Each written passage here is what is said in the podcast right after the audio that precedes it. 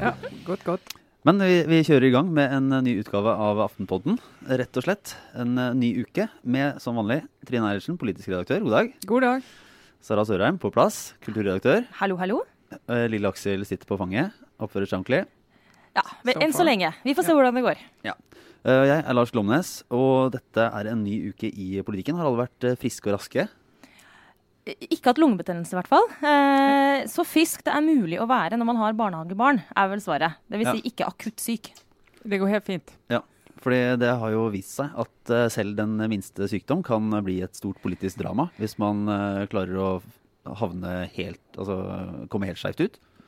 Hillary Clinton, eh, masse trøbbel, har blitt eh, mobba Nei, det, blir, eh, det var litt partisk å si. Har blitt, blitt kjørt hardt av Donald Trump for sin påståtte svake helse gjennom flere uker. Og under markeringen av 11. septembers eh, 15-års altså, Det er ikke akkurat jubileum, hva skal man kalle det? Vi kaller det 15-årsmarkering. 15-årsmarkeringen eh, av, av terroren 11.9., så måtte rett og slett Hillary Clinton gi seg. Og hun ble filmet på vei inn i eh, en bil eh, da hun eh, mer eller mindre holdt på å svime av. Måtte støttes og delvis bæres inn i en bil. Og da var jo eh, maskineriet i gang.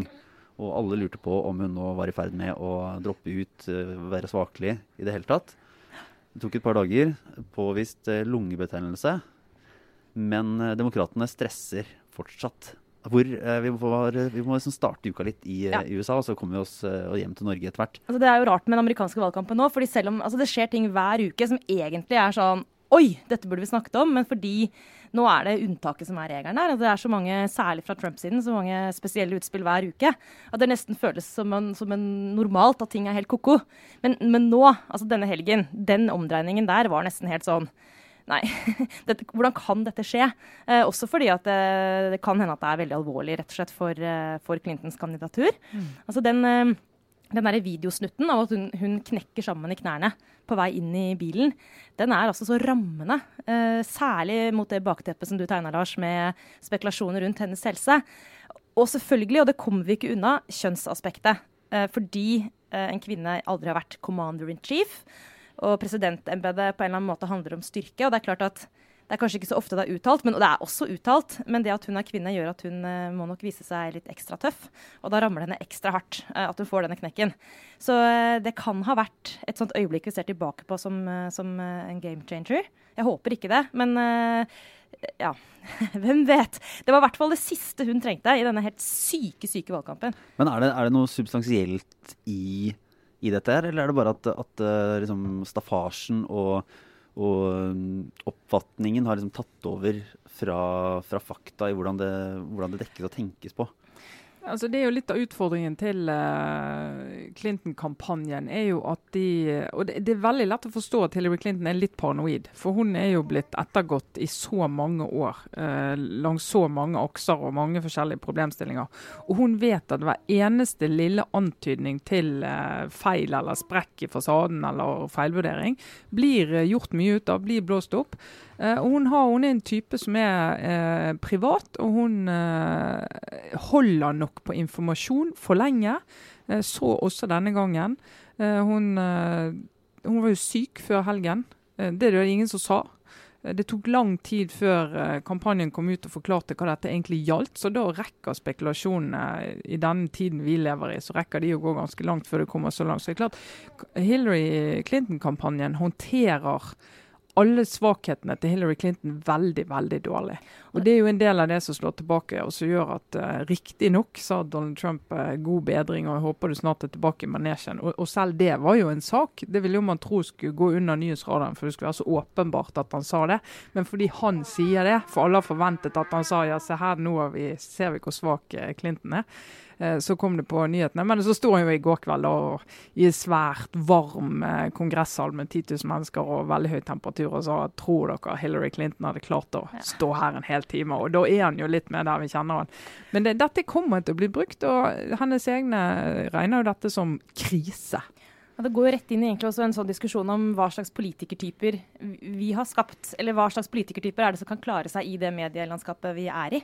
Og Clinton er på mange måter en, en litt gammeldags politiker. Særlig dette med at hun ikke ønsker å, å være sånn helt totaltransparent. Hun eh, blogger ikke liksom eh, hvert mikrosekund av livet sitt, og hun, hun, virker jo ikke veldig personlig sånn i, i offentlige opptredener.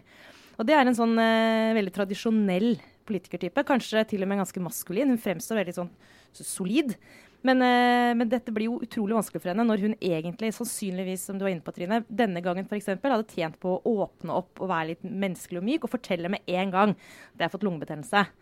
Så jeg tenker, For henne, av alle, er jo dette her eh, smarttelefon, eh, video, blogg, Twitter-samfunnet vi lever i. Det er jo et mareritt for henne. Altså, hun kan bli felt av at en tilfeldig fyr Og han som filma da dette, denne kollapsen, er nettopp en tilfeldig fyr som uh, ladet på Facebook-siden sin, uh, dette videoklippet, som nå er sett ti millioner ganger. Mm. Og skrev eh, en tekst til hvor det bare sto 'Hillary Clinton heart attack?' spørsmålstegn. Oi. Uh, og det sier også noe om at informasjonen ikke blir uh, sjekka før den slipper ut. ikke sant? Så uh, det, er jo, uh, det er jo en helt ubetydelig hendelse at hun har fått lungebetennelse, strengt mm. tatt. Men det kan altså få den effekten.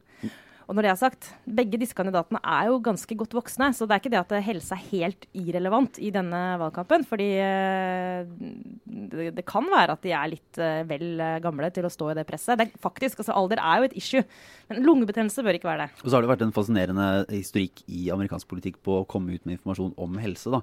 Jeg hadde en sak denne uken som, om uh, hvordan John McCain gjorde det i, i 2008. Han, han, la fram da en, en helseattest på 1200 sider. Han, Snakk om å begrave ja. eventuelle dårlige ting. Ja. og han var, en, eh, altså, han var, jo en, gammel mann, eller altså på, på, linje med de to kandidatene nå, da. Men selv Barack Obama, som uh, må sies å være blant de, blant de mer vitale kandidatene som har vært, da, uh, leverte en sånn helserapport på 276 sider. Og så langt så har jo Hillary har vel har gitt ut halvannen før nå, nå nylig, og så et par sider til. Ja. Mens uh, Donald Trump eh, hadde et sånn lite avsnitt fra en uh, en mer eller mindre kvakksalver borti, borti California, som hadde skrevet under det her på fem minutter, mens limousinen fra Trump-staben sto og venta på, på, signaturen hans. Men det er en helt bisarr eh, situasjon. Altså, i, i, USA så behandles presidentkandidatene samme måte som fotballspillere gjør det i Europa. Altså, mm. du får den der, eh, Når overgangen eh, er klar, ikke sant? når en spiller er stolt i et annet lag, så er det det eneste som gjenstår, er liksom the medical report. Mm. Og den legges fram. Og da er det sånn der, dette er bare et stykke kjøtt med muskler, liksom, som skal vurderes så hvis uh, det er damaged goods, så blir uh, kjøpet opphevet. det er jo jævlig brutalt, men, uh, men i politikken, tenk så utenkelig. Ok, vi vet at Stoltenberg har, har, en arvelig sykdom. noe annet enn det tror jeg nesten ikke man vet om norske politikere. Ja, vi husker jo Kjell Magne Bondevik som sittende statsminister som hadde, var sykmeldt pga. en ja, var det en liten en depresjon? Altså han møtte Depressiv reaksjon? Mm. Depressiv reaksjon var vel uh, formuleringen. Og det er klart, altså Når det er øverste ansvarlige, hvis du bortsett fra kongen som må få lov å være syk, og han jobber jo langt forbi normal pensjonsalder, så det må vi tilgi han. Uh, så det at statsministeren eh, er, er, er, syk i Norge, og selv om statsministeren faktisk skulle dø i Norge, uh, så er det ikke krise. Det, altså, det, er ikke sånn at liksom hele systemet blir endret og faller sammen. Men hvis en president i USA eh, dør på jobb, så du har en visepresident, men det, det, er virkelig noe helt annet. Eh, en president som er valgt direkte av folket, som forsvinner, og så skal du ha en visepresident som for så vidt er valgt direkte av folket, han òg, men det er jo ikke han eller hun de har stemt på. Så det er mye større drama knyttet til det. Og så er disse kandidatene de er gamle. De er veldig gamle. De er nok for gamle til å være president i USA. Det vil jeg mene. Ja. Oi, det var et uh, interessant utslag av ageism helt sånn på tampen der. Ja, nei, altså det, det, å være president eller statsminister eller hva som helst for 15 år siden og 20 år siden Det var litt sånn, Jeg snakket med en som jobber på SMK, som uh, forklarte at uh, jobb på Info der på 90-tallet. Noen av de, på, de som jobber på Info der, kom litt sånn om morgenen, så var jobben å liksom fått med seg morgennyhetene på NRK. Og neste viktige ting det var å huske å sette på tolv-nyhetene på NRK radio ja. ja. altså da klokken tolv. Og så var det å få med seg Dagsrevyen senere på kveld. Og det var på en måte, det var sånne stolper i infojobben til SMK. I dag så er det altså det er 24-7. Det er et enormt trøkk. Det er mye mye tøffere å ha den type jobber i dag enn det var for, uh, for 15 år siden. Og det er Hvis du har passert 70 og ikke eh, jeg håper å si, i veldig god fysisk form. Da skal du være et helt, helt spesielt menneske for å ikke ja, at det blir for mye, da. Så det er mulig begge disse er det. Det kan hende. Men uh, ja. Hvor, hvor dårlig bare, helse måtte til for at det skulle bli et uh, tema i norsk valgkamp altså neste, neste, neste år? Det, hvilke situasjoner har man kunne sett for seg at det var et, var et spørsmål? Altså Det er jo ikke den kampen på samme måte uansett om å være partileder. Da. Det ville vært lettere å, å se for seg at man kunne finne en erstatter. Altså Det er, ikke, det er liksom ikke sånn type point of no return som det er i den amerikanske valgkampen når du har valgt kandidaten. Nå for eksempel, så er det helt sånn uavklart hvem skulle steppa opp hvis Hillary faktisk måtte kaste inn håndkleet. Ja, er det Bernie Sanders eller hva? I Norge ville det uansett vært sånn at det vil være en nestleder som naturlig vil kunne uh, settes inn. Ja. Men uansett, hvor stort altså, tror, altså, Hvis du har en statsministerkandidat som har mye sykefravær, altså som er sånn ja, plutselig vekke en uke her, tre-fire dager der, en uke der, altså pga. et eller annet sånn som bare kommer igjen og kommer igjen. Det går ikke, mener jeg. Uh, at, du, at, du, kan ha en som har en sånn jobb, som ikke er som hovedregel på jobb hele tiden. Så du kan ikke, du kan ikke ha et en eller annen sykdom eller problem som gjør at du ikke er i praksis 100% Du kan få en influensa som slår deg ut i til og med 14 dager. Det går helt fint. Eller øyebetennelse. som Øyebetennelse kan du få. Du kan ha en operasjon og så kan gjøre sånn engangsting, men du kan ikke ha, liksom være en sånn som er mye syk i en sånn jobb. Men eh, det er fra, si, fra, fra, fra sykdom til, eh, til bare et, eh, et, parti som ligger litt nede. Får, med, en slags, med, en slags, kronisk sykdom? Med en slags, ja, i hvert fall en, en som har vart ganske lenge. Vi skal være snille med SV også. Um, ja, For men, de er jo faktisk ganske snille. Så ja. de fortjener jo det. Det, ja, altså, er det man skal si om SV, er at det, er ikke noe, det bor ikke så mye vondt i dem. Nei, Bortsett fra at når de samles i Oslo og andre steder til nominasjonskamp, da kan det jo gå eh, hardt for seg. Og denne uka, det er jo ikke av de, de absolutt eh, store hendelsene, men det er ganske det er interessant likevel. Eh, så har, har det første utkastet til Oslo SVs stortingsliste kommet. Uh, og der er det nå duka for en ordentlig duell mellom Ingvild Reimert og Kari Elisabeth Kaski. Uh, etter at Heikki Holmås bestemte seg for å, for å uh, trappe ned og, og gå av. Mm. og det er jo Da blir det fight. Det har vært nesten hvert stortingsvalg så har det vært runder med Heikki Holmås og Akhtar Chaudhry i sin tid. Og vært mobilisering og egentlig en valgkamp som har vært ganske amerikansk. Kanskje mest amerikanske valgkampen i Norge de, de, rundene. Og nå er det duka for en uh, ny runde, og det er ikke ukontroversielt nå heller. Altså Egentlig er det nominasjonskampene som det ofte er som du er inne på høyest temperatur i. Og det er det som er litt gøy akkurat nå, for nå er det litt sånn fortsatt, det er jo mellomvalgår og det er litt uh, sånn stille for stormen. Uh, men det er altså disse nominasjonsprosessene som pågår over hele landet, hvor man kan finne mye krutt. Men så er spørsmålet finner vi for mye krutt. Eh, det er jo eh, det, Jeg tar høyde for at vi i pressen innimellom leter etter konflikter der det kanskje ikke er, eller leter etter mønstre der det ikke er. Mønstre tror ikke det er så mye av, men det er veldig mye personlig konflikt. Og ja. det er veldig mye altså, det er, veld, det er, ofte mye vondt blod etter en del av de nominasjonsprosessene. og Særlig når det står om så mye som i SV nå. Det er jo eh, si, i verste fall for SV så er dette den eneste representanten de får på Stortinget. Sant? Ja, fordi Grunnlaget for at det egentlig er en altså jeg tenker at det er en, mer enn en lokal duell, er jo litt sånn som det sies nå at, eh, at i SV så er man jo bekymra for at valget neste år skal gå ordentlig galt. Eh, og da kan man sitte igjen med én representant på Stortinget, i verste fall. da, mm. altså nest verste fall. Men, eh, og da er det Oslo som er det sikreste kortet. Og, og som en kilde sa til meg denne uka her, så er det den man velger nå i Oslo, da det må tenkes på at det kan være den personen som må forventes å steppe opp og, og lede dette partiet dersom det går helt galt og Audun Lysbakken må gi seg. Mm. Uh, og den som sa det, var åpenbart en, en tilhenger av, av Kaski, da, som har vært partisekretær nå.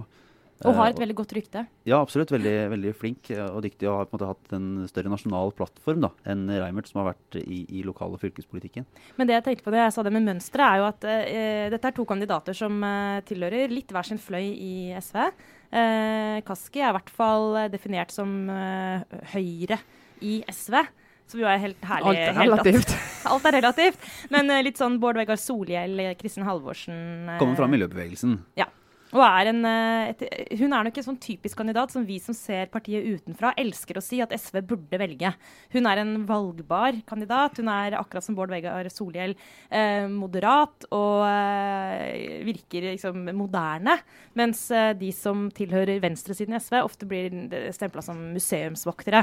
Til deres egen store irritasjon, for de opplever jo sjøl at de, at de eh, slett ikke er det, selvfølgelig. Akkurat der må jo en lit, bitte liten anekdote. Så Frank Rossavik i går. han var skrev på Facebook eh, Han kunne jo vært her og snakket om SV, men han er et annet sted i dag. Eh, men i går var han holdt et foredrag for eh, SV60. altså SV-ere på over 60 år, som jo en gruppe. Og han skrev på Facebook etterpå at det hadde vært også så hyggelig. Det var så mye bra folk der. og Jeg vet ikke om det var bevisst, men han skrev i hvert fall, og de var utrolig opptatt av sånne temaer som jeg òg var opptatt av for lenge siden. Ja. Det er jo 90% av medlemsmassen, altså. Men, eh, men, det var det jeg tenkte litt på i sted også, det med at, at de er, liksom, det er koselige folk. Eh, mm. SV-ere over 60, det er jo mine foreldre og alle deres venner. Og det er jo naturlig nok mennesker jeg har et, et varmt forhold til, men som jeg kanskje ikke opplever som sånn helt på ballen på alle spørsmål i vår tid. Men, eh, men eh, tilbake til det med mønsteret, da. Det har vært sagt at denne lokale striden i Oslo reflekterer litt eh, den store kampen på venstresida i europeisk politikk. Eh, Hans Petter Sjøli i VG skrev at Reimert kan bli sett på som en slags sånn Corbyn-kandidat. Eh, en, en, veldig venstreorientert eh, politiker, populær i fagbevegelsen osv. Mens Kaski er litt mer New Labour, eh, David Milliband. David Milliband, sant? Det er sånn åh, For noen av oss, den store den store stjerna som aldri ble tent, osv. Det er nesten jeg tenker på han på samme måte som jeg tenker på Sabi Alonso da han ble solgt fra Liverpool. Som er eh, begynnelsen på alt vondt. Men, eh, men det er en, absolutt en digresjon. Men, men, det går an å se denne striden eh, i lys av det, men det er mulig at det er å ta i. For jeg tror ikke egentlig Reimert er så langt til venstre. Hun er en ganske eh, moderat ja. Eh, kandidat. Først og fremst, som du var inne på, Lars, en uh, solid lokalpolitiker. Men kanskje uten den uh, umiddelbare appellen da, sånn på, på, sak utenfor SV, som uh, Kaski muligens har, som har vært litt mer, sånn, litt mer frampå og, og litt morsommere i uttalelsene, rett og slett. Og det, ja, for Reimert er jo ikke noe, det er på en måte ikke noe venstre radikal i, i den forstand heller. Det er, jo, det, det er, jo, kanskje få partier som er flinkere til å skape fløyer enn SV. Uh, og da må man, hvis man har to, så må man nesten plassere dem i hver sin bås, da. uh, Men i Norge har jo Rødt, og det har jo ikke Storbritannia. Og mange av de uh, i den leiren i Storbritannia ville jo vært i Rødt i Norge, ikke sant. Sånn at det er liksom utenfor partiet her, en del av de standpunktene. Men for å, ut, for å utfordre deg litt, Trine. Hvor, hvor, dårlig bare for å slenge det her ut, det er jo ikke diskutert i det hele tatt, slenge, hvor dårlig må det valget neste år være for SV før Audun Lysbakken gir seg? Det, det, blir jo et sperregrensevalg. Eh, det er jo litt sånn klisjé å si, for det er for så vidt alle norske valg er sperregrensevalg. Men, eh, men eh, for SV som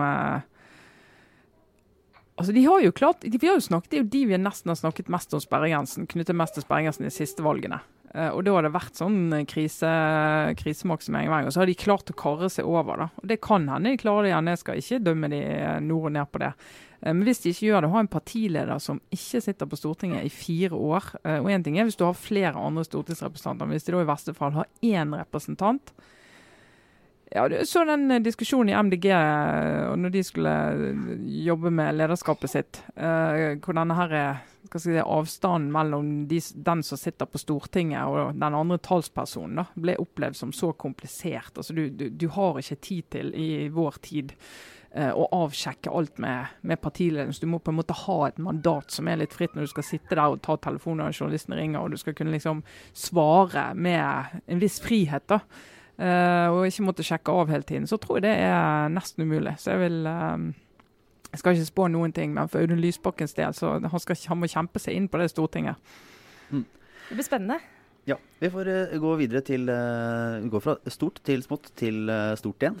nå har jeg glemt hva vi skal snakke om, så nå er jeg ja, veldig spent. Ja, denne boken hviler litt på, på Trines ja. Og ja, det var det der, ja. For, for du har vært uh, ute og, sett på de store perspektiver? Jeg har vært og reist. Jeg har vært uh, i Bergen, der uh, det var en perspektivkonferanse. og nå må alle bare rette opp ryggen og høre etter på perspektivkonferanser. Det er ikke for amatører, det kan jeg, jeg bare si. Jeg trodde du skulle si sånn Nå må du tørke av deg det smilet. ja, det, det, høres ganske kjedelig ut, men det, det er det faktisk ikke. Um, hvert fjerde år så kommer det en perspektivmelding. Eh, Finansdepartementet som syr den sammen og lager denne meldingen. Som skal være en litt sånn oversikt over Norges utfordringer på, på, på, litt lengre sikt. Altså Ikke bare her og nå og neste år og tre år og fire, men liksom prøve å se inn i fremtiden. Eh, veldig, veldig viktig dokument for folk som lager politikk. Veldig viktig for de skal sy sammen et statsbudsjett. Masse referanser til perspektivmeldingen i statsbudsjettet. Um, og de reiser rundt og snakker med folk for å få litt uh, innspill. Uh, sannsynligvis for lite, men de gjør nå en del. Og nå var de i Bergen for å ha den siste konferansen. som var litt sånn hvordan skal Norge Hvilken politikk skal Norge lage for å håndtere en lavere oljepris? Spørsmål. Ja. Hvem er de? De, ja, det er veldig godt spørsmål. Siv Jensen, altså politisk ledelse i departementet. Uh, og de uh, byråkratene som kan du si er på en måte sekretariatet til meldingen. da. Uh, for dette er jo en veldig sånn fagmelding. Det er jo ikke en sånn politisert melding på den måten. Ikke Men Siv sånn er med, liksom? Så det er ikke bare byråkratene? Hun er med, hun er med så hun er på en måte vertinne for, for konferansen. Uh, og sitter egentlig der for å lytte til innspill. Da. Og Det er jo veldig fascinerende å se en partileder som sier nesten ingenting, og bare skal lytte en hel dag. Men uh, det, det, tror jeg er veldig, er veldig lurt. Uh, og her var jo spørsmålet Hvordan skal Norge håndtere lavere oljepris og lavere oljeinvesteringer og den omstillingen? Og det er jo du har hele spekteret av problemstillinger. Så er vi kompetente nok? Har vi den utdannelsen vi må ha? Altså Norge er jo et av de OECD-landene som i hvert fall sammenlignet med det det burde være, har for få med høy utdanning og for mange som detter ut av lavere utdanning. Altså, Tror du problemet var at vi hadde for mange som hadde høy utdanning her? Det er en myte. Det er din verden, jeg sa det. Ja, det er på kultur og medier og litt sånn teatervitenskap og sånn. Ja. Ja, det ble forresten nevnt. Jeg kommer til å skrive om dette forresten eh, nå. for jeg ble så, Dette med mastergrader i Norge, den mastersyke, det er jo bare et land som Norge du kan få et ord som mastersyke. Det er jo, det er jo fantastisk å ha et land med masse folk med mastergrad, men i Norge så problematiserer vi det og sier må ikke ta så mye mastergrader. Men litt av problemet nå er at du har så mange mastergrad. Du har mastergrad innenfor Gud hjelpe meg hva som helst. Master i bleieskift, master i boligsalg, master i alt mulig. Sånn at det blir veldig sånn uh, ja, fragmentert utdanningssystem. Men det er nå for så vidt ikke så viktig. Men det er jo hele den hva skal vi leve av etter oljediskusjonen som ligger bak her. Sant? Hva skal vi gjøre med oljepengebruken? Hvordan skal vi få det ned? Bør vi få det ned? Uh, så det er sånn, blir lagt frem i mars denne ja. eh, meldingen. Sa de noe, noe nå, eller om, om, hva som ligger der, eller var det noe forhåndsting? Nei, de, de, de, de har begynt å skrive på det, men de har ikke skrevet uh, ferdig i det hele tatt. Uh, men dette pleier jo å gå inn i, i hvert fall som referanse da, på en del av de landsmøtene vi skal dekke til våren.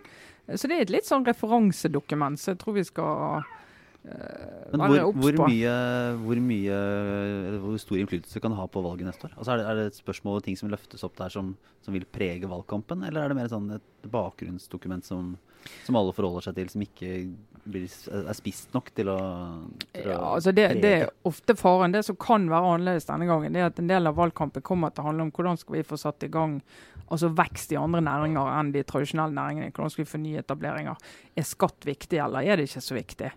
Uh, er det offentlige støtteordninger som er viktig, eller er det ikke viktig? Og hvordan skal vi håndtere det i Norge at arbeidsledigheten er så regionalisert? At det er på Sør- og Vestlandet du er arbeidsledig, men resten av Norge så sliter de som gale for å få tak i arbeidskraft. Hvordan skal vi håndtere det politisk? Og Sånne ting vil jo bli håndtert inni der. Og det går jo rett inn i valgkampen. Og denne skal jo på en eller annen måte komme med litt sånn nøkterne analyser og råd innenfor ganske politiserte problemstillinger. Så det blir jo en ting jeg, jeg kan bare spørre deg om ditt inntrykk. Jeg vet ikke om det er noe du har, helt tenkt på, men med Siv Jensen som politiker. Mm. Hun opplever jeg, liksom, hun er så veldig sånn kraftfull og, og litt sånn streng og, og, har jo løst finansministeroppgaven godt. Men hvordan, jeg kan bare ikke klare å forestille meg henne i en litt mer sånn tenksom Dette er ikke ment som sånn arrogant kritikk, altså, for det betyr ikke at jeg ikke tror hun tenker, men den derre tilbakelente, litt sånn åpne, eh, mm. litt lyttende holdningen. Eh, mm. Litt sånn uh, Snakke litt mer i abstrakte former. Mm. se mange år fremover. Jeg, bare, jeg får ikke til å stemme i hodet mitt. Jeg klarer ikke å se for meg engang Siv Jensen i den posisjonen. Hun er sånn, sånn fremoverlent og innbitt og going places. Hvordan er ditt inntrykk av henne som samtalepartner for byråkratene sine, rett og slett? Ja, jeg, jeg, fikk et no, Dette er kun satt fra utsiden, og jeg har ikke snakket med noen om det nå. Uh, men inntrykket mitt er jo godt. Eh, hun, eh, I en sånn setting som så det, så, så, lytter hun åpenbart, får med seg ting. Og du kan se hun ler eh, på de rette stedene, og hun liksom skjønner dobbeltbunn i mye av det som sies. For det er klart, Selv om det er forskere som står her som ikke er politikere, så har jo de klare meldinger inn til politikere i alt som handler om eh, både formuesskatt og syke, sykelønnsordninger og utdanningssystem. og det, det, det, jo, det, ligger jo politisk budskap i alle disse foredragene.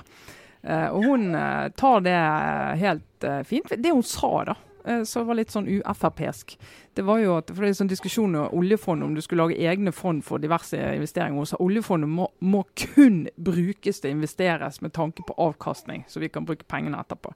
Og det er sånn på en måte dro, dro helt teppet under alle som måtte mene at eh, nei, vi må ha et fond for samferdsel, og vi må ha et fond for klima, og vi må ha et fond for ditt og for datt, med utgangspunkt i oljefondet. Det er, jo en, det, er ikke, det er ikke helt åpenbart at alle i Fremskrittspartiet står bak en idé? Nei, det er ikke alle som mener det i Fremskrittspartiet. Men for uh, på et si et økonomhjerte, så er jo dette det er musikk i mine ører.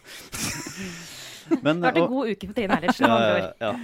Men uh, for, uh, vi skal ikke holde på fullt så lenge som vi har gjort de siste ukene i dag. Uh, så vi går på vår spalte obligatorisk refleksjon, hva man tar med seg inn i, i, helgen, rett og slett. Men du, Jeg lurer på om jeg kan slenge inn fra sidelinja. Det er ikke gjennomtenkt som vanlig, men, men et godt, men ubekrefta rykte.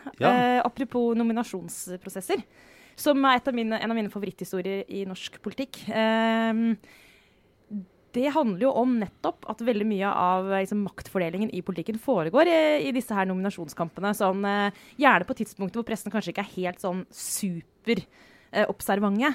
Uh, og denne historien er om en um, en politiker som ble statsråd uh, i en regjering for ikke så veldig lenge siden, som uh, ifølge dette gode, men ubekrefta ryktet uh, rett og slett på, i sin tid fikk førsteplassen i sitt fylke fordi hun var en så glitrende middelmådighet. fordi partiledelsen rett og slett fryktet en meget dyktig lokalpolitiker på hjemstedet, som representerte venstresida i dette anonyme partiet. Dere kan gjette hvilket det var. eh, som, eh, som, var en up and coming stjerne, men som i teorien ville være slitsom å ha på Stortinget for partiledelsen, som var mer eh, plassert inn mot sentrum. Så eh, visstnok så ble da denne senere statsråden snakka opp eh, av partiledelsen, eh, sånn at hun fikk førsteplassen. Helt uten å ha egenskapene egentlig til det. Altså, det er ikke noe at hun var helt håpløs, men hun var ikke noen spesielt god politiker. Fikk førsteplassen i sitt fylke, eh, kom inn på Stortinget og ble etter hvert statsråd. Rett og slett for å sørge for at noen andre ikke ble det. Og Kilden min eh, formulerte det sånn at i politikken så kan du enten komme langt ved å være innmari god, eller du kan komme langt med å være liksom helt vanlig. Bare rett og slett ekstremt ufarlig, fordi du, fordi du, bremser opp for noen andre. Og det for meg var sånn machiavellisk. Dette var selvfølgelig en rådgiver, sant? og de, de, hvordan de jobber og hvordan de liksom tenker. Dette ble beskrevet som en suksesshistorie. Kanskje var det det, men vi endte altså opp med en statsråd som vi sannsynligvis da Vi kunne hatt en som var kanskje faglig bedre, da. Eh, det er en av mine sånne wow, oh, gøy å avsløre makt. Men jeg tar høyde for det kan også være ren skryt eh, over en fire-fem øl. Eh, fordi rådgivere liker å fremstille seg selv som om de har veldig mye makt. Men det til side. Eh, en, en obligatorisk eh, kort eh, refleksjon. Jeg er jo, som dere hører, ikke i stand til å lese for tiden, men jeg kan høre innimellom på podkast. Og apropos amerikansk valgkamp. Um, Keeping It 1600. Det er egentlig Lars som har tipsa meg om denne.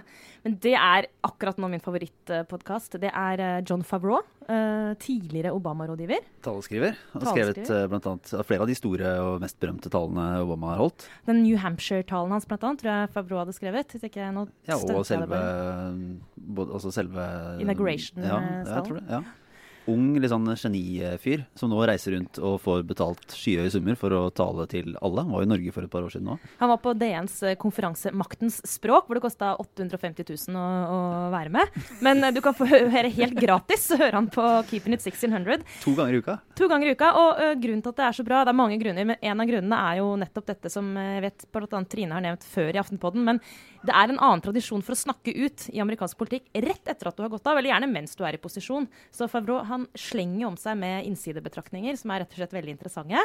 Og så er han jo helt avslappa. Så han passer ikke på språket sitt, for å si det sånn. Han er ganske direkte. Ah, og det er jo flere, altså det er jo bl.a. Dan Pfeiffer, som var tidligere sånn, altså kommunikasjonsrådgiver, og var med på flere av de helt sentrale møtene fra liksom starten av i Obama-kampanjen fra 2008 og godt stykke før det.